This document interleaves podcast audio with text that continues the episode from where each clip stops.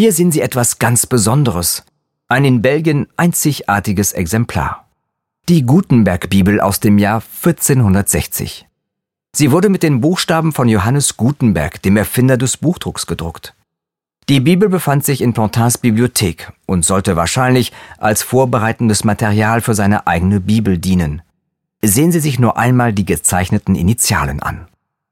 Es handelt sich hier um ein Prunkstück aus den ersten Jahren der Buchdruckergeschichte.